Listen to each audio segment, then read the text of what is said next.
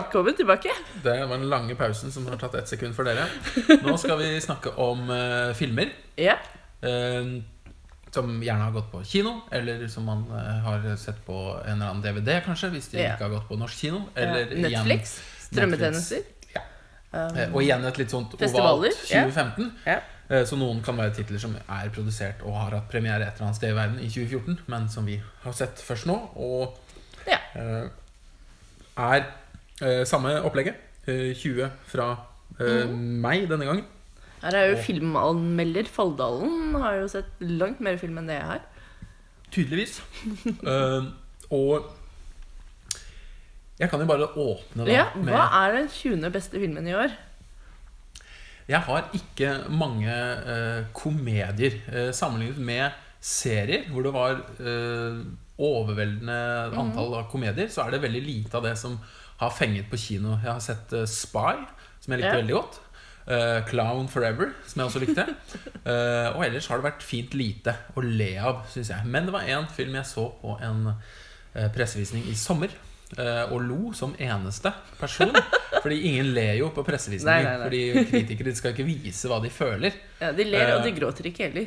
Nei. Eller skriker. derfor, derfor får ofte komedier dårligere kritikk, er en teori jeg har. da Mm. Fordi man får ikke det fellesskapet av å le som man ville fått når man hadde sett den i en eh, ordinær visning. Og dette er da Vacation. Eh, Av alle ting. Regi av John F. Daly og Jonathan M. Goldstein. Eh, Det er en slags sånn reboot av denne 'Hjelp, vi må på ferie'-serien. Chevy Chase-serien fra 80-tallet. Han er med, har han ikke Eh, det? han er med lite grann, eh, men det er liksom eh, sønnen eh, Griswold som nå har blitt eh, familiefar. Eh, Ed Helms i hovedrollen. Og her er det veldig mye sånn eh, eh, kroppslig og verbal humor ah, og en eh, familiefar som er litt sånn dufus. Han forsøker å gjøre det beste ut av alle mulige situasjoner, og eh, ofte går det veldig galt. Ja. Og jeg vil at dere skal huske på at Jon Inge er veldig glad i sånn bæsj, tiss, promp, barnslig humor. eh, Når vi kommer lenger opp på lista hans. Bare sånn, Han er menneske, han også. Ja. Eh, eh, jeg er mangefasettert, som det vil, man kan si. Veldig veldig glad i eh, lavsjangre som parodifilmer, f.eks. Veldig glad i sånn hotshots og scary movie og Don't be a menace to South Central while drinking your juice in the hood og sånne ting. Eh, Mann med nakne pistol, uh, udødelig våpen osv. osv. Osv. Jackass. Jeg likte til og med den filmen som heter Freddy Got Fingered. Jeg vet ikke om så mange har sett den. Nei. Men i hvert fall. Ja. Dette er da eh, en av tre tror jeg, amerikanske filmer på min liste. Og når Gry kommer eh, susende inn fra plass 10 oppover, Så da kommer kommer ja, eh, Mer filmer dere har sett. Stars and Ja. Stripes. Ja, mer filmer. Men jeg har en på 19.-plass. Ja. Det er da Mad Max Fury Road. ja, den har jeg er, langt, langt høyere opp på min liste.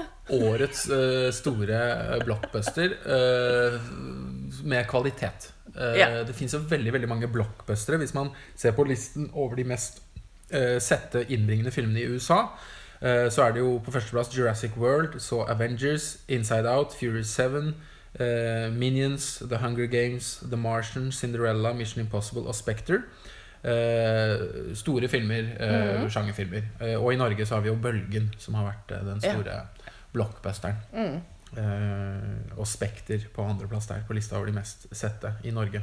Og nå snakker vi jo før Star eh, Ja. Wars kommer, da. Så den kommer jo til å knuse disse sannsynligvis når den dukker opp om noen uker. Ja. Eh, men vi kan snakke mer om Madmax når den kommer på lista di. Ja, det kan, vi, det kan vi gjøre. Eh, på 18.-plass så er det en av jeg tror det er fire franske filmer som er på min liste. Eh, 'Girlhood' av Ja. Céline Chiamma.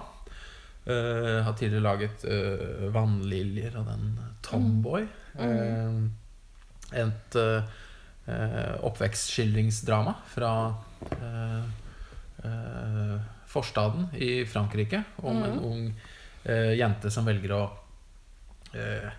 assosiere seg med en ja, litt sånn kriminell eh, jentegjeng. Og eh, gjør en del uheldige valg. Og eh, Veldig fengende og gripende sånn karakterportrett. Og veldig eh, uh, talentfull uh, regissør. Denne Men eh, er den inn i den der banlieue-tradisjonen, eller? Hva tenker du på? Altså, en hat eh, og altså, den type film. Altså, Da har det ikke vært en del sånn franske filmer. 'Klassen' er vel litt der også, som handler om ja, Ja, det er jo en eh, eh, suburb Den franske ja, Absolutt. Det, man, kan, man kan eh, absolutt se den inn i uh, Den har jo også en uh, en annen film som også har gått på norsk kino i høst, som også er fin, som ikke nådde opp på lista mi, som heter 'Pust', eller 'Respir', mm. av Melanie Laurent, som også handler om eh, oppvekst og tenåringsjenter og Ja. jentefellesskap som er Mm. voldelige Mm. og vonde og Ja, hvor overgrep skjer, eh, Mm. både fysisk og eh, verbalt og psykisk. Mm. Um, en av Ja. Um, en veldig engasjerende film, 'Girlhood', Ja. som Ja. kan være fint å, i, i disse juletider. Så kan man kanskje gi bort den til noen, f.eks. i en gave, Ja. tenker jeg. Til, Og så tror jeg den er på en av Netflixene. Jeg er litt usikker på hvilken. Amerikanske Netflix, tror jeg. Det kan nok absolutt Mm. hende. Eh, 17. 17.-plass. Da er det en film som ingen har sett, fordi den har ikke kommet ennå. Men eh, jeg vil slå dere? et slag igjen for eh, norske eh, filmen 'Hunting Flies' av uh, Iser Aliu, som også nå eh, er i gang med å skulle lage sin eh, andre langfilm, blir det, da, sammen med produksjonsselskapet Merfilm. Men 'Hunting Flies' så jeg en gang i sommer. Mm. Det er en eh, klasse eh, som blir værende igjen på skolen sammen med læreren sin, eh, og har en sånn eh, natt hvor de på en måte får seg en, eh, en slags lærepengesamtale. Hvor de forsøker å lære en lekse. eh, Litt i ånden fra Breakfast Club møter Emir Kusturica og eh, eh, ja Kiarostami, kanskje. En veldig Ja. fin skildring av uh, unge, unge menneskers uh, Mm. Eh, holdt på å si indoktrinering slash eh, politiske oppvåkning. eh, Og et veldig stilsikkert tonespråk hos filmskaperen. Så det er en vi kommer til å høre mye til. Mm Eh, 16. 16.-plassen er det en svensk debutant. Yeah. Ifølge noen av anmelderne tiårets debutant i Sverige. Og man kan kanskje si at Magnus von Horn og hans etterskjelv, som er nå kinoaktuell Den går Mhm. på kino nå. Jeg hadde lyst til å se den før podkasten, altså, men jeg rakk det ikke. Den bør du gå og se, Ja. Og det vil jeg anbefale andre om å gjøre også. Det er et veldig uh, inspirert av Bruno Dumont, og jeg vil plassere den også i uh, samme område som Haneke eller Ruben Østlund.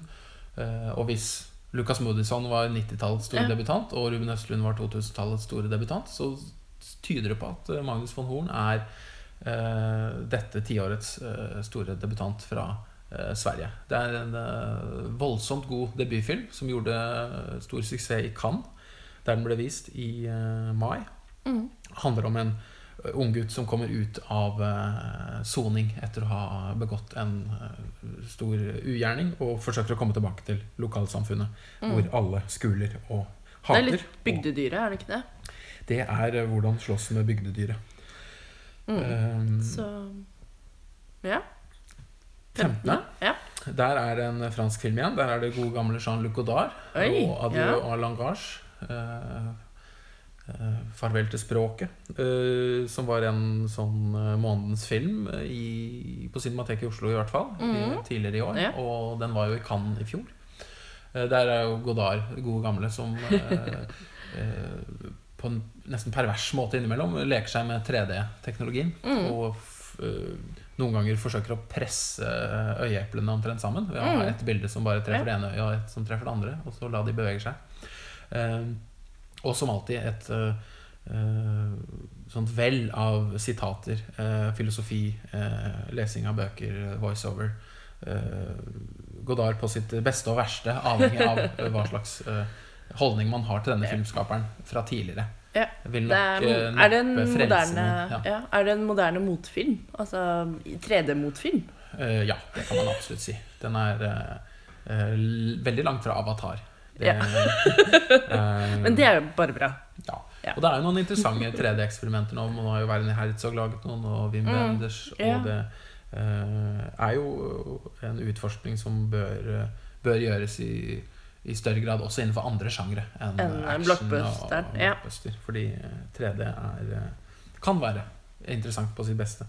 Absolutt. Uh, mm jeg syns også det fungerer veldig godt i mange av store blockbusterne, men uh, noen ganger Ja. er det bare en sånn unødvendig ekstra effekt. Som gjør at du får vondt i hodet, og at skjermen blir mye mørkere fordi du må sitte med de dumme brillene på.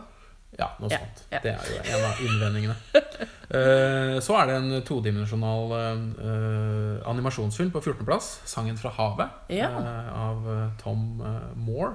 -hmm. Veldig, veldig vakker barnefilm. På de norske stemmene så har man annet Ane Brun som Ja. Uh, synger. Og uh, den har en sånn blanding av håndtegnede og uh, digitale dataanimasjonsbilder. Ja. Som eh, gjør, for, gjør at den ikke ligner noe særlig på hva man har sett eh, tidligere. Mm. Og samtidig så er det en slags arvtaker til Ja. Studio Ghibli. Mm. Min Japan, fire år gamle guddatter likte den veldig godt, i hvert fall. Ja, Syns ikke den var for skummel. Nei, det Nei. gikk veldig fint. Så, Så lenge hun hadde popkorn, så gikk det veldig bra. Og pappas hånd, selvsagt. Ja. Eh, og den tror jeg vel snart er også sånn tilgjengelig ellers på sikkert både strømming og Mm. eh, DVD. eh, både i England og USA. Så det er både en film for uh, fedre, mødre og barn, døtre Ja, og sønner. familiefilm. Ja. Som jeg tror uh, Og spesielt alle som har sans for animasjon. Så er det, Mm. Da er det et must. Altså, Da Mm. er det en av årets absolutt vakreste filmer. Um, Flott. eh, 13.-plass hos meg er Mhm. en eh, eh, kanskje den særeste av de på lista mi. En film av James Benning som heter 'Concord Woods'. Dette er jo er- avhandlingsmat for deg, Ja, er det jeg skriver om i doktoravhandlingen min. Hvor jeg skriver om disse veldig eh, langsomme, stillestående, statiske innstillingene. Eh, og her er det en sånn eh, to timers film hvor det er to entimers statiske innstillinger av en eh, hytte utenfra. Og dette er en del av det kunstprosjektet som heter Two Cabins, som eh, James Benning eh, driver med. Han hadde en film som het Stemple Pass, som eh, ble vist på Tromsø filmfestival for noen år siden. Som Mm. hadde fire sånne Da var det halvtimes Mm. innstillinger. Og det er, kort fortalt, så er det de to hyttene til uh, Thoreau, filosofen, og Unabomber Ted Kaczynski, Mm. som han bruker i dette prosjektet. Og leser da tekster på voiceoveren uh, av uh, i denne nye filmen 'Conquered Woods' av uh, da Thoreau. Um, dette er en film som kanskje er litt vanskelig å eh, få sett, men eh, den er foreløpig inne i galleriverden. Men jeg eh, vil tippe at den dukker opp på DVD på et eller annet tidspunkt. Mm. Veldig hypnotiserende filmopplevelse for de som er mottakelig for slikt. Ja. For de som kjeder seg hvis det ikke klippes veldig ofte, så er det bare å la det være. Yeah. Da er det ikke en film for deg.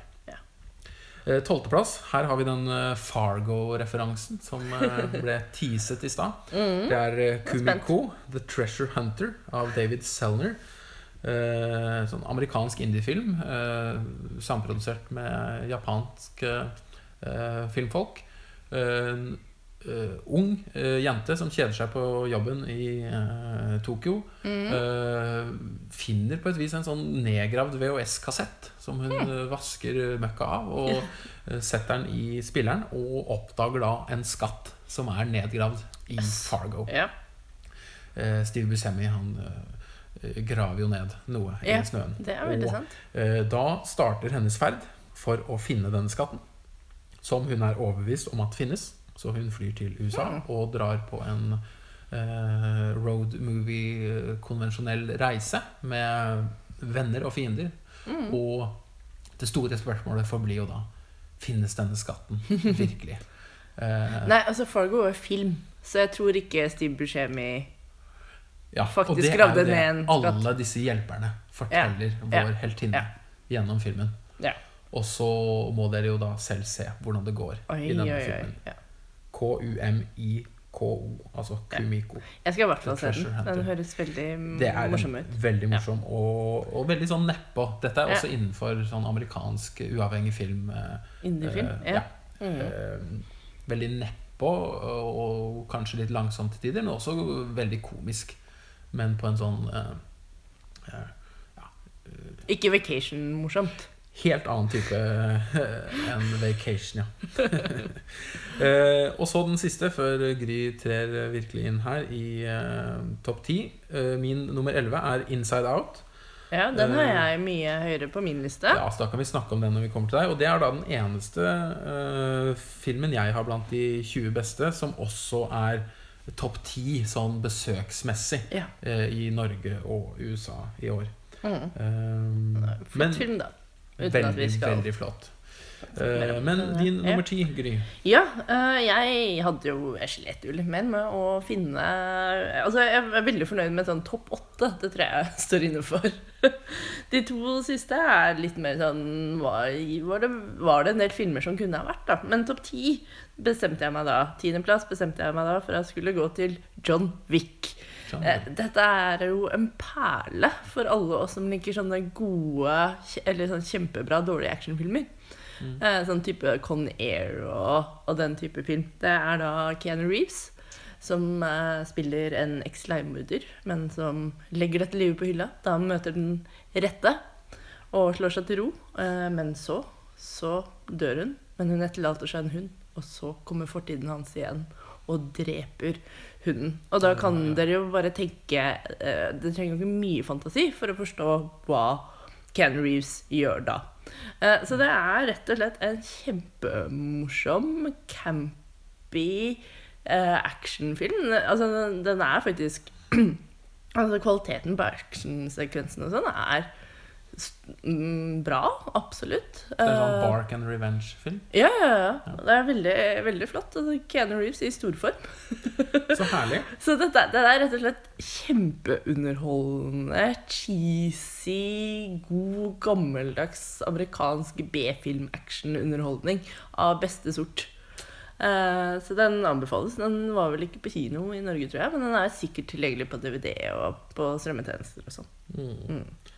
Og da er det jo en kontrast igjen da til min nummer ti, som eh, de. eh, fransk eh, og Bruno Dumas eh, film slash TV-serie. For det er fire episoder på et vis, men den har vært vist også som månedens film på Cinemateket. Petit Cancan, eller Little Cancan, som er en liten gutt som holdt på å si vikles inn i, eller observerer et sånt eskalerende morddrama i en sånn fransk eh, kystby. Hvor Ja. de, finnes, eh, de finner kroppsdeler inni kuer av mennesker.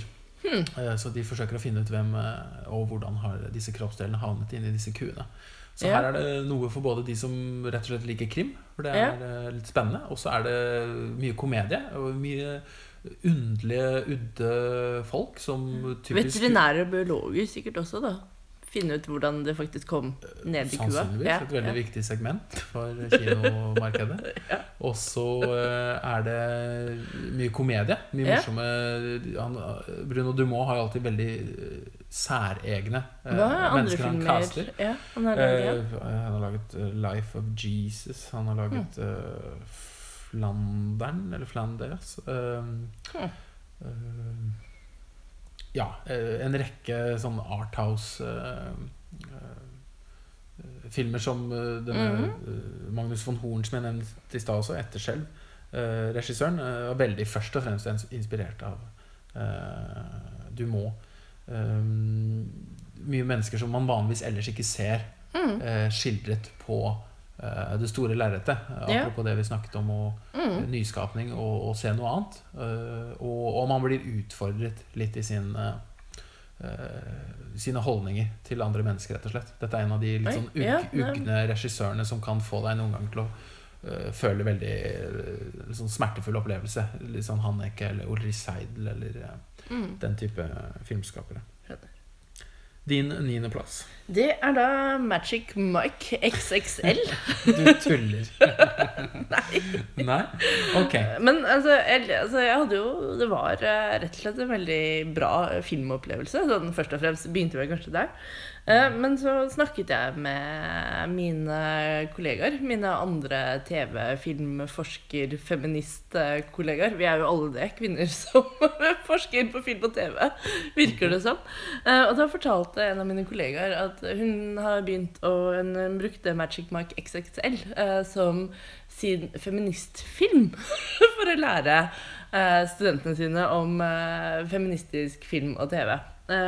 Og det her var så overbevisende at jeg tenkte herregud, Magic Mike er ikke bare et utrolig underholdende, morsom film om en gjeng med litt sånn avdanka strippere som reiser på tur. Det er jo faktisk et feministisk eh, Kanskje ikke mesterverk, det vil jeg kanskje ikke si. Men, eh, men den gjør i hvert fall en del interessante grep. det vil i hvert fall ikke jeg si. Den gjør en del interessante grep sånn, uh, hvis man, man ser på den. Så det er, det, er, det er helt tydelig at det er andre lag her også. Så at den går helt bevisst går inn og bryter med en del av den klassiske Hollywood-filmens eh, strukturer, da, som man mener er objektiviserende når det kommer til kvinner. F.eks.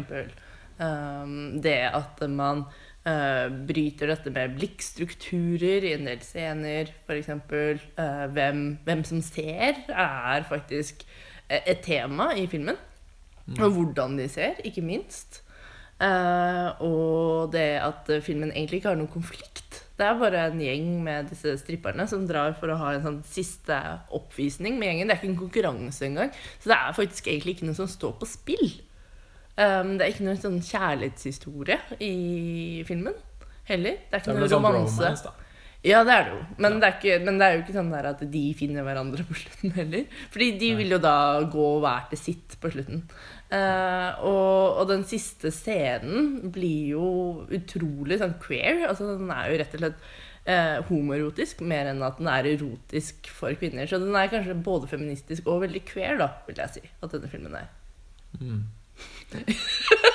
Jeg hadde en frustrerende opplevelse av å se den. Uh, jo, den tok seg opp, det må jeg si. Men jeg syns den øh, Den begynte veldig altså Det var mye svakt spill, syns jeg. Den hang ikke sammen. Dialog, Ja, det skal jeg være enig i. Den er øh, og, Skuespillet er og den er ikke så dårlig at den blir morsom av det heller.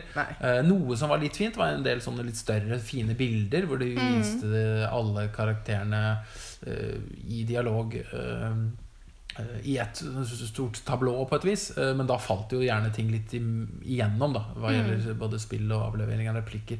Og så syns jeg en del av den der eh, fetisjeringen av kropper er eh, eh, Om det er kvinner eller menn, så er det jo på en måte like dumt, tenker jeg. Om det Ja, er Ja, Men en stor forskjell på fetisjeringen av eh, disse mennene, og hvordan man, filmen ofte har fetisjert kvinner, er jo at kvinner da også er subjektene i fortellingen. Men her er jo disse mennene som blir fetisjert, helt klart subjektene.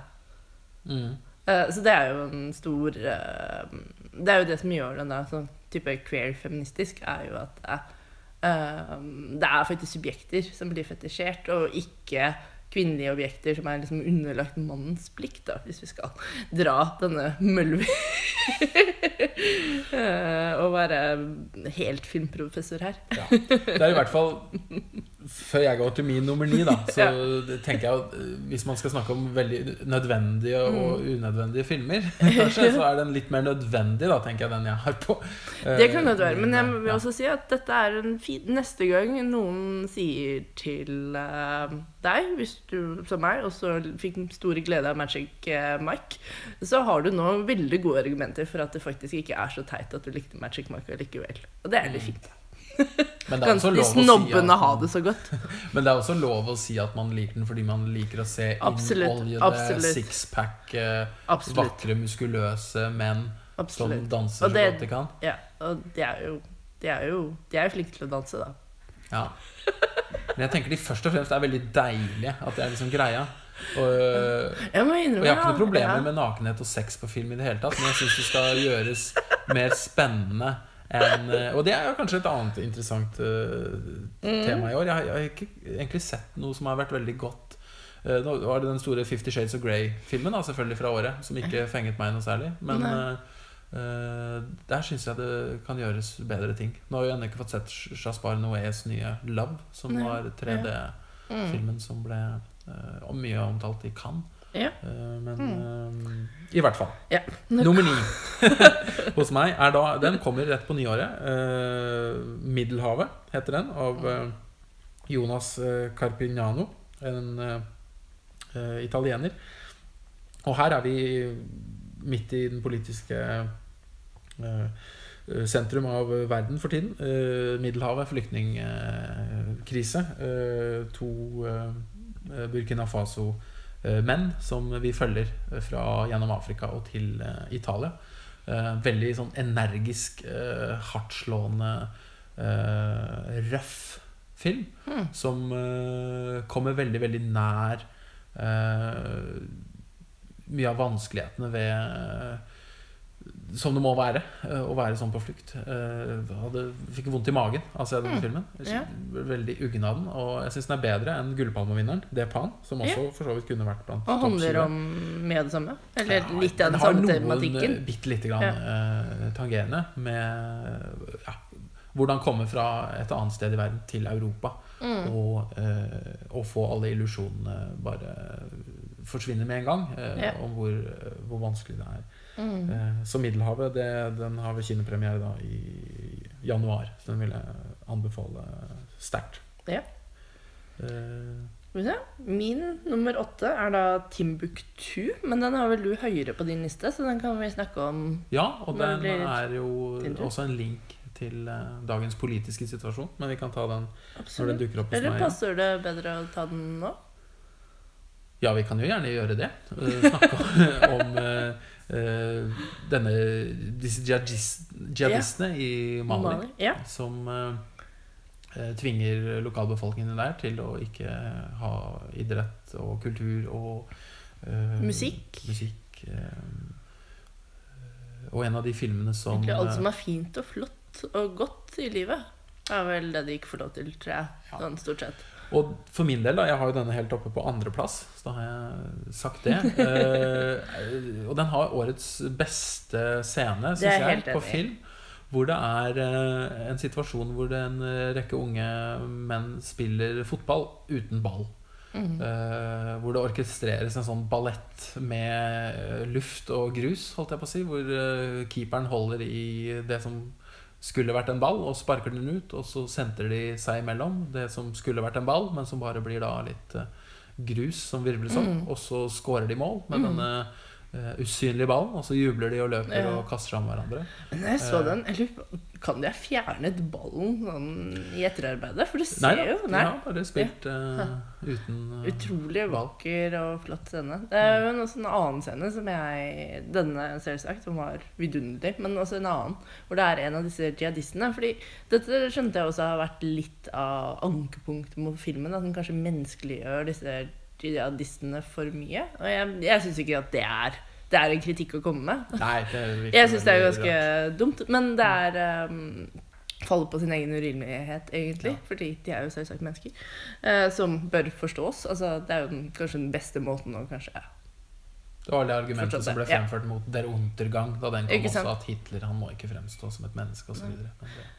Men i hvert fall, da har du en av disse jihadistene som eh, plutselig begynner å danse Jeg tror det er soloen fra Svanesjøen. Uh, bare ute i ørkenen, og da er det akkurat det samme denne s- grusen som spruter alle steder hvor han danser denne balletten, som også er utrolig vakker. Hvor du, du får et sånn annet blikk på disse jihadistene også. At det er andre ting med de også. Altså, og at de også ikke minst bryter sine egne regler. Det ser man jo uh, flere ganger i filmen, faktisk. Filmen har også en av de flotteste replikkene jeg har hørt uh, på kino i år. Hvor uh, det er en mann som forteller sin kone idet han uh, forlater henne, kanskje for siste gang. Eh, i, og kommer fra en kultur, den tuareg-kulturen, hvor de ikke snakker så mye om følelser. Eh, hvor han bare sier kort at Du vet allerede det jeg ikke sier. Som jeg syns er en veldig fin kjærlighetserklæring. Eh, Ja. Tydeligvis eh, to mennesker som kjenner hverandre så godt at Mm. de kan kommunisere på den måten. Veldig flott. Um, så Timbuktu er jo da Ja. nå mulig å få sett på forskjellige Mm. måter. eh, Mm. På fin Blu-ray-utgave i Ja. England, blant annet. Jeg ser faktisk at filmen på syvendeplass for min del er også inne i dette politiske landskapet. Med Eh, ja, Ja. nå er min eh, åttendeplass Kanskje vi Ja, skal ta den ja, først?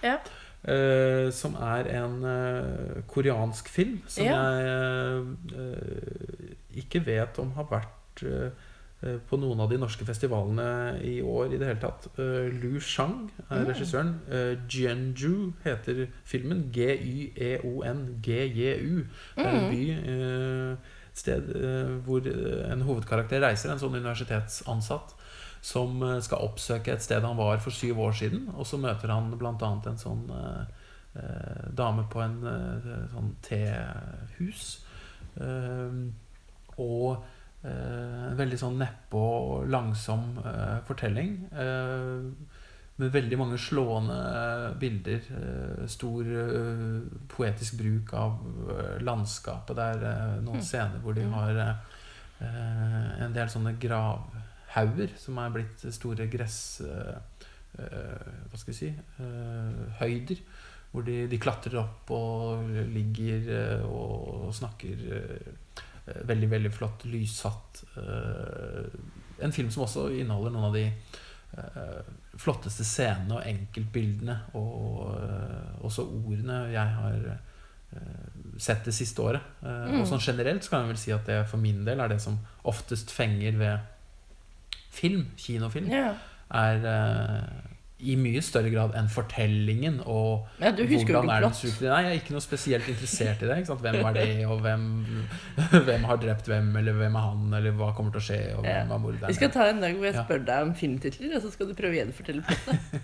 det for ja, det som blir sittende igjen da i min uh, kropp, det er da uh, bilder, stemninger, følelser og kanskje replikker. Så det, Mm. Eh, det er sikkert noen andre som har det sånn også. Jeg tror det er eh, Mm. eh, en måte å oppleve film på. Det er mange måter å Mm. se og oppleve film på. Men din politiske syvendeplass, Gry, det var da Citizen Four. Ja, den syns jeg var det, det som var mest fascinerende med den, er jo at de Hele filmen foregår jo inne på et hotellrom. Og Dette de er da Snowden-dokumentaren. Ja. Eh, og allikevel at den var så spennende. Det var utrolig fascinerende, og det er faktisk uh, Altså en filmatisk bragd, vil jeg si. Å få en film som bare foregår på ett rom, uh, til å bli så spennende, og ikke minst visuelt interessant. Ja. Um, veldig bra. Men ja, en utrolig fascinerende dokumentar om da Snowden, som da um, enten denne helten, varsleren selvsagt, eller uh, krigsforbryteren. Det spørs jo litt uh, hvordan du ser på uh, verden, om du, hva du synes om Snowden. Um, her i Europa så er man kanskje mer tilbøyelig til å se ham på han som en varsler. Sånn Absolutt. enn i USA. Men, eh, en, men rett og slett også en veldig veldig god dokumentar. eh, med da selvsagt en av de mest fascinerende historiene i, ny, som har vært i nyhetsbildet de siste årene, vil jeg si. Mm. Den, eh, den viser jo frem eh, for så vidt ting vi egentlig da vet veldig mye om, og har Mm. blitt fortalt hvordan dette egentlig eh, hang sammen, men her får vi, her, her får vi se det. Ikke sant? Sånn var det. Mm. Slik skjedde det. Og det er vel mye av den fascinasjonen også. At man får lov til Mm. å komme bak det som har vært uh, lukkede dører, og, og se også hele det moderne liksom, mediesamfunnet. Hvordan det uh, kan orkestreres, da, avhengig av hvor store uh, nyheter man sitter på. Og her Ja. er det jo en bombe, for å si det mildt. Mm. Eh, Informasjonsbombe, faktisk. Det er jo veldig politisk uh, i min uh, film på sjuendeplass også. Eh, Taxi, eh, Taxi Teheran på yeah. norsk. Ja, Eh, Jafar Panay, Og den Mhm. vet jeg du også har ja litt på din høyere opp. liste. Men femteplass. Veldig fin sånn liten road movie fra Teherans gater. Hvor mm eh, den husarresterte, eller et eller annet sånt nå Det er litt vanskelig å vite akkurat hva som er Panais situasjon, siden han mm. er ute og kjører i denne taxien i denne filmen. Mm. Men han smugler ut filmer i, med minnepinner og Ja. i kaker og diverse for å nå europeiske festivaler, og trues mer eller mindre eksplisitt eh, hver gang av eh, iranske myndigheter. For Mm. å, han har filmforbud og skal egentlig klage film. Men her plukker han opp diverse mennesker og eh, eh, iscenesetter, og det er ikke alltid man helt vet Er det dokumentarisk, eller er det Mm. fiksjon? Eh, Litt sånn som Nathan for you. Ja. Litt sånn som Nathan for you. Uh, og veldig søt uh, eh, episode mot slutten av filmen hvor han plukker opp sin yngre niese. Hun er jo fantastisk. vakre. Hun er jo et funn. Ja, fantastisk karakter. Og yeah. en uh, Hvis man også tenker nye ting som skildres i eh, årets filmer, så er det eh, ung jente fra Midtøsten som eh, Ja. lager film. ja. Eh, det er en eh, sjelden vare. Så Ja, hun, har, hun har en slags profesjonell ambisjon eh, Ja. og yrkesstolthet. Og hun ber en sånn eh, gutt hun treffer på gata om å ja, eh, gjøre så filmscenen hennes blir riktig osv. Så, videre, og så, videre. så hun er en eh, regissør som er på gang. Og hun ja. var vel også og gjestet Film fra sør i høst i Oslo. Ja, og mottok også prisen i Berlin da, for eh, beste film der tidligere i år. Ja. På vegne av sin eh, onkel. Mm. Ja, fordi det er virk den virkelige niesen hans, er det ikke det? Ja. Eh, men ja, jeg er helt enig. Utrolig flott film med mange forskjellige interessante karakterer. Men det som fascinerte meg mest, var at den var så utrolig meta, og det var så mange lag i den. Altså Det er så mange fortellinger og historier som går parallelt. At det er litt sånn eh, Jeg merker at jeg egentlig har lyst til å se den en gang til for å pakke ut alle de forskjellige tingene og alle lagene som er. Fordi det er jo en dypt politisk film samtidig som det er en dypt personlig film. Eh, samtidig som det er en road movie, samtidig som det er en film om å lage film. Mm. Eh, så det er jo veldig mange lag. Han lagde jo en film Den nest siste han lagde før denne, som het eh, 'This Is Not a Film', for å Mm. unngå den eh, sensuren ved at han ikke fikk lov til å lage film. Bare sånn at dette er ikke en film. Men eh, man kan jo ettertrykkelig si om denne filmen her at dette er en film. For Definitivt. dette er en skikkelig Definitivt. film på, uh, på mange vis. Um, Og en veldig bra film. Ja. Uh, Veldig, veldig bra. Uh, På min eh, sjetteplass, da er vi tilbake Ja. i Frankrike, og en eh, veldig flink eh, regissør, Mia Hansen Løve. Eh, 'Eden' heter den filmen. Eh, handler om eh, DJ-kultur i Frankrike fra sånn ca. 1992 og nesten fram til i dag. Og eh, en eh, ung mann som eh, eh, jobber litt sånn i skyggen av Daft Mm. Punk og noen av disse større eh, eksportene, kan man si, fra fransk elektronisk musikk. Eh, veldig fint eh, karakterportrett. Tidskoloritten er helt nydelig. Veldig mye interessant musikk, også for de som ikke er spesielt eh, eh, glad i garasjemusikk eh, og house og den slags. Eh, veldig intens. eh, mye eh, gode beskrivelser av denne. De beskriver også musikken som en sånn blanding av eh, eufori og melankoli. Mm. Og der ligger denne filmen veldig uh, i det spennet. Uh, meget spennende regissør, og Eden er nå eh, Ja, den har vel akkurat kommet på, vet jeg, på DVD, i hvert fall i Norge også, med Mm. norske undertekster. Så eh, Jeg vet også det er en film som eh, Hvem vil like den?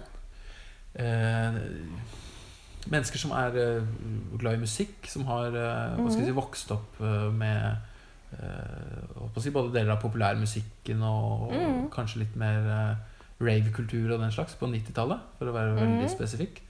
Uh, og alle som er glad i en sånn uh, litt sånn voksen oppveksthistorie. Altså kanskje mm. perioden fra du er eh, 15 til du er 25. eller noe sånt. Eh, Ja. Jeg vet at Joakim Trier er veldig glad i denne filmen. Og Ja. drev også blurbet den for Arthouse da den kom på kino. Ja. Og eh, mente at dette var en veldig god film. Spennende. Uh, mm -hmm. Så, apropos Joachim Trier, det var en perfekt overgang. For min uh, sjetteplass er jo da Louder Than Bombs. ja, det er også min femteplass, Ja. faktisk. Ja, men da Da passer det jo fint å snakke om den nå. Første norske film i Cannes på 36 år. Det er som om Norge skulle vært med i fotball-VM. Det er det. Eh, og eh, jeg tror vel eh, aldri, eller i hvert fall ikke ennå, at det norske eh, generelle publikum vil forstå hvor svært det er å få en film med i den konkurransen. Nei, det er jo, Du konkurrerer jo mot de aller beste filmene som blir lagd. Det er litt sånn verdensmesterskapet i filmlaging. Ja. Eh, mye større grad enn f.eks. den internasjonale Oscaren, vil jeg si. Vi har jo hatt hatt en hel podkast om denne filmen. Ja. Uh, og nå har den uh, eh, hatt sin runde på eh, Mm, kino i Norge. ja. Eh, og nå har det jo blitt en liten sånn diskusjon angående eh, besøkstall Ja, for denne det. type Ja. film. Eh, hvordan går det med dramaer? Uh, Mm. Arthouse-filmen. Mm. Det har vært artikler om at eh, tidligere så var det eh, mange flere som så denne type filmen, og noen snakker om at liksom, bunnen har falt litt ut av disse mellomfilmene. Men Mm. eh, man må vel kanskje se trenden nå gjennom eh, eh, litt mer tid før man skal ha en sånn dommedagsscenario for denne type filmer. Men det kan virke som om folk heller nå ønsker å se drama hjemme i stua. Ja. Eh, kanskje også komedier. Mm. Mens de mer eh, Spektakulære. Ja. sjangerne som eksplisitt er veldig popkorn og kino, Ja. stor lyd, høy eh, sånn attraksjonsfaktor. Ja. Type Bølgen eller nå kommende Star Wars. Mm. Eh, heller enn det veldig lavmælte dramaet som jo Louder and Bombs er. Mm. Men eh, flott film, i hvert fall, som hadde fortjent et større publikum i Norge, helt klart. Fjerdeplassen hos deg? Det er Inside Out. Ja, og det er jo en blockbuster. Barneblockbuster. Uh, og virkelig toppform for uh, Pixar. Ja. De er tilbake, vil jeg si. mm.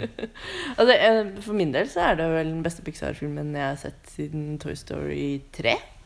Og den har jo også en del av de samme, den samme tematikken. Altså denne overgangen mellom barn og voksen, uh, som er veldig, veldig flott. Og i Inside Out så er jo dette virkelig flott gjort på en utrolig fantasirik måte om hvordan denne hovedpersonen eh, Fordi det er jo en menneskelig hovedperson her. eh, og filmens handling er jo da inni henne, så det er jo hennes følelsesliv eh, filmen faktisk handler om. Mm. og hun flytter da med familien sin fra et veldig sånn trygt og fint sted eh, i Minnesota til San Francisco. Og så handler det da om denne overgangen, da, og hvordan da hun merker at hennes liv plutselig ble mye, mye mer komplekst. Og så handler det om da hvordan eh, følelsene hennes, som da har blitt gjort om til karakterer i denne filmen, reagerer på dette. Og hvordan minnene fysisk manifesterer seg som noen slags klinkekuleaktige ting som har ulike valører. Ja. Eh, Og det, kanskje min favorittsekvens er jo når de skal inn i dette abstrakte rommet. som handler om abstrakte tanker og minner. Eh, som er utrolig, utrolig flott gjort. Så den er jo visuelt vakker, kjempeengasjerende, uh, universell. Altså jeg tror alle kjenner seg igjen og på en måte husker litt den der overgangen hvor du forstår at verden ikke er sort-hvitt, uh, men at den er veldig mye mer kompleks.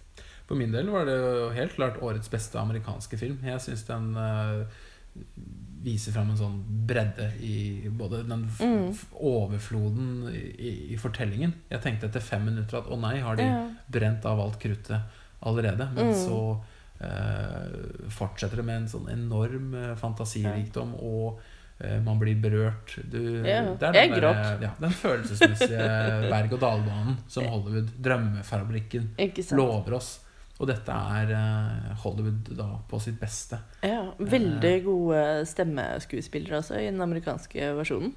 Med Amy Poehler og hun Jeg husker ikke etternavnet hennes, men hun spiller jo Phyllis i The Office. Eh, som liksom hovedkarakterene. Så jeg tenker jo hvis man uh, skal gi bort eller ta med seg noen uh, Mm. og se den hvis man får mulighet på en kino, eller ellers, så er jo dette Dette er filmen for den som er jeg vet ikke, rundt hvor mange år, skal vi si? Hvis man er mellom Fra Jeg vil si kanskje fra at du er sånn syv, kanskje? ja, Kanskje noe sånt. Og så til du blir 90? Ja. Eller 100? Det spørs jo hvor gammel du blir.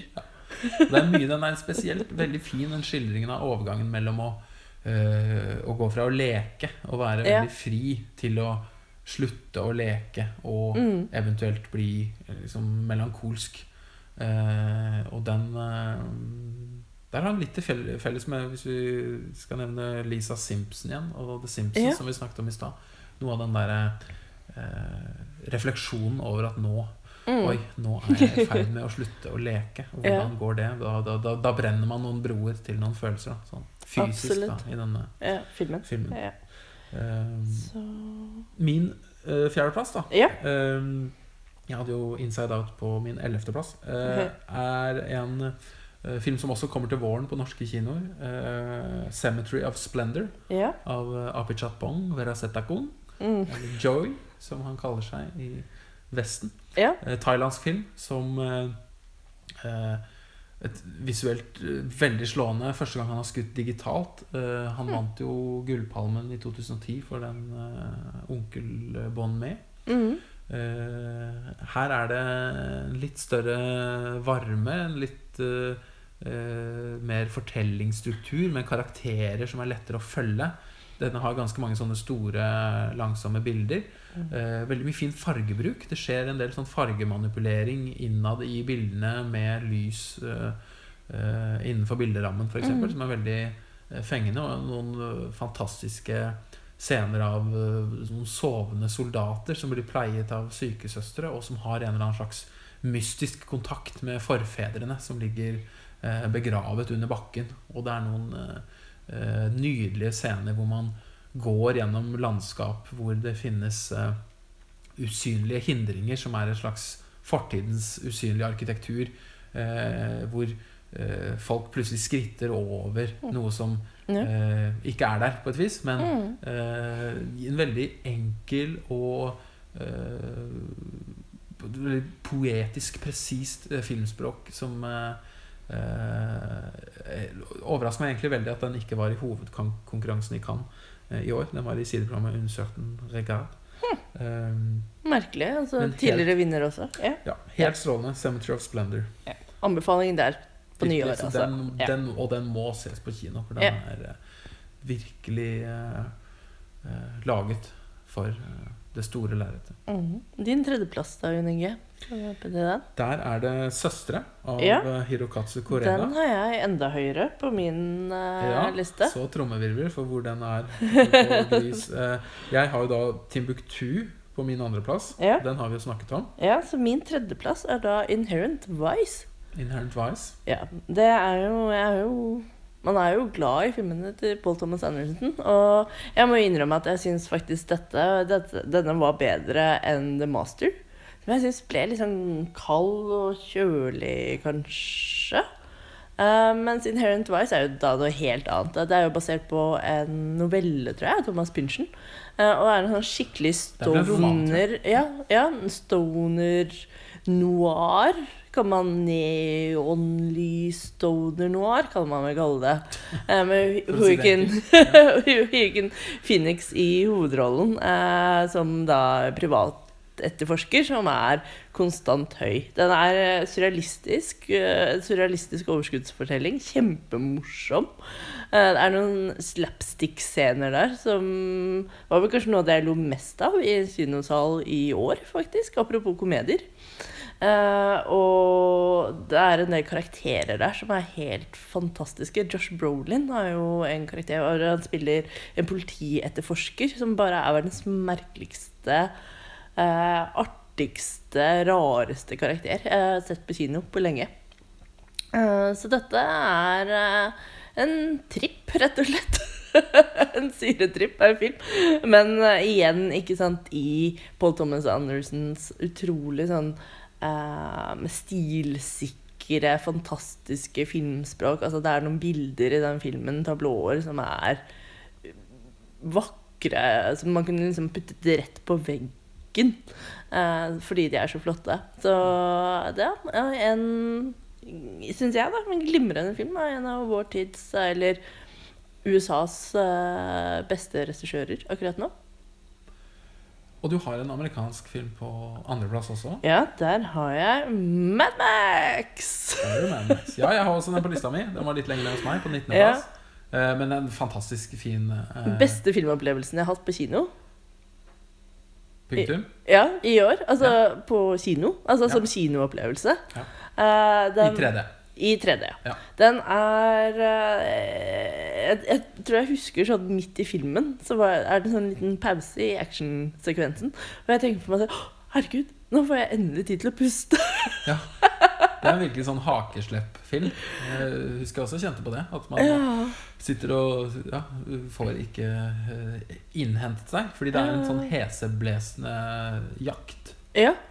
Og så med sånn visuelt overskudd og en nerve og en klipperytme som jeg ikke har sett på lenge. Altså, det er den en av de mest sånn tighte blockbusterne jeg har sett på en evighet.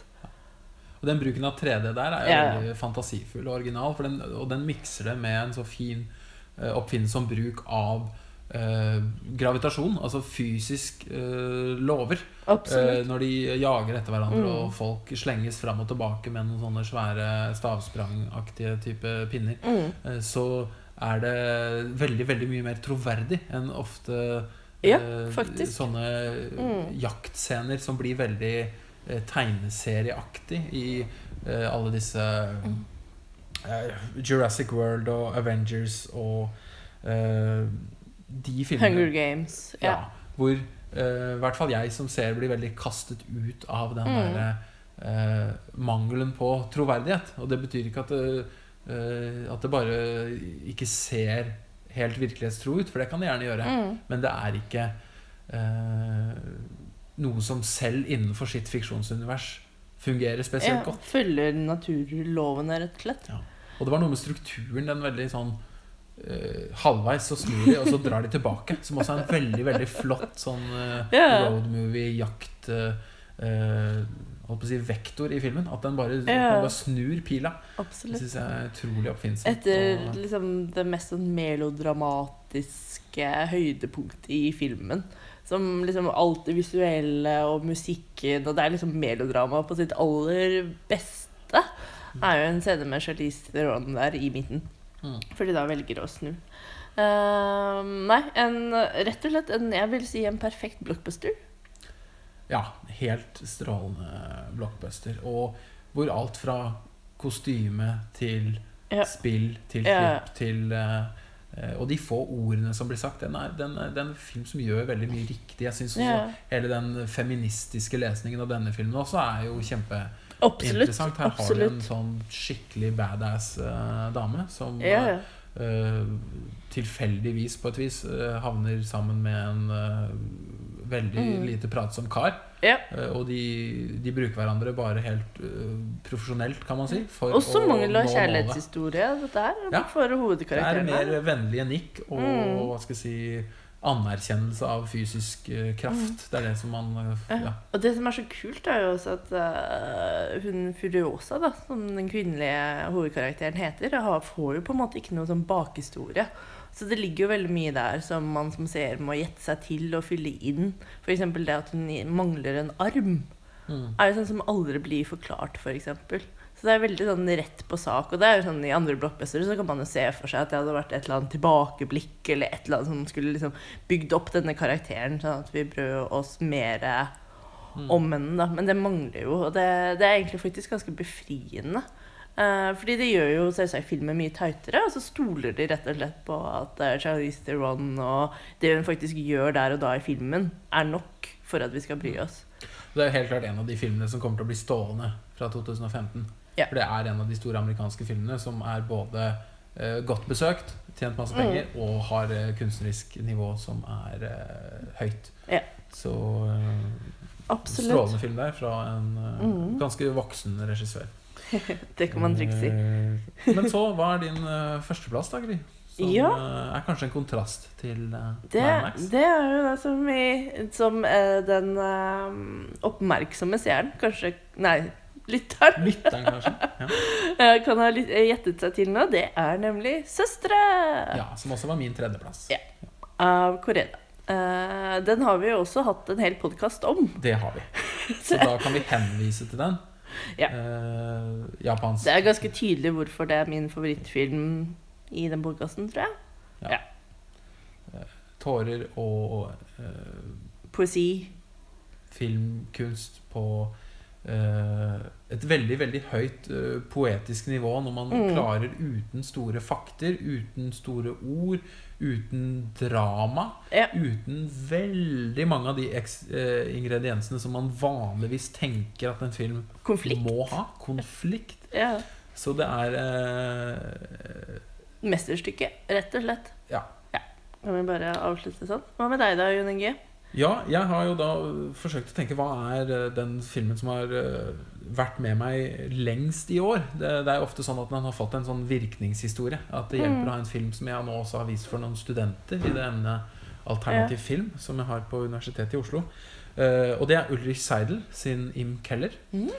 Uh, som jo er uh, først og fremst en dokumentar. Den har jo også noen små fiksjonselementer. Men der er vi i den eh, Den type film som berører meg mest, hvor jeg blir uh, eh, uggen. Jeg føler meg forstyrra. Som den pirker mm. i ting jeg ikke uh, visste om Nei. hos meg selv, og kanskje ting jeg ikke ville vite om. Om deg selv? Uh, ja.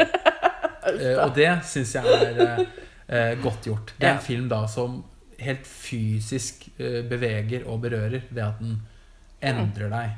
Etter du har sett den, så er du annerledes enn sånn du var før du har sett den. Interessant. Og det er, eh, det er mange interessante scener der. eh, Politisk eh, I dag så er det diskusjon av innvandring, den slags våpen, bevæpning, vold. Tidligere tiders nazisme for Østerrike selvfølgelig Mm. veldig betent. Og det ble jo furore i Østerrike etter filmen også, fordi det er en sånn nazikjeller som de Oi, viser ja. frem i denne, hvor de sitter og koser seg og børster støv av gamle Hitler-portretter og sånne ting.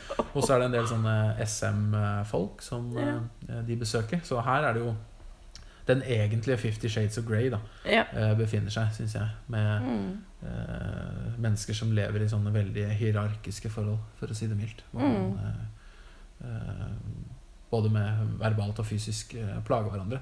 Så jeg syns eh, den, det er den type Det er den filmen som har eh, vist fram eh, det menneskelige i, menneskelige i eh, flest fasetter da, av det jeg har sett på kino i år. Og også gått inn i de mørkeste kjellerne, som Men er det noen hyggelige kjellere, da?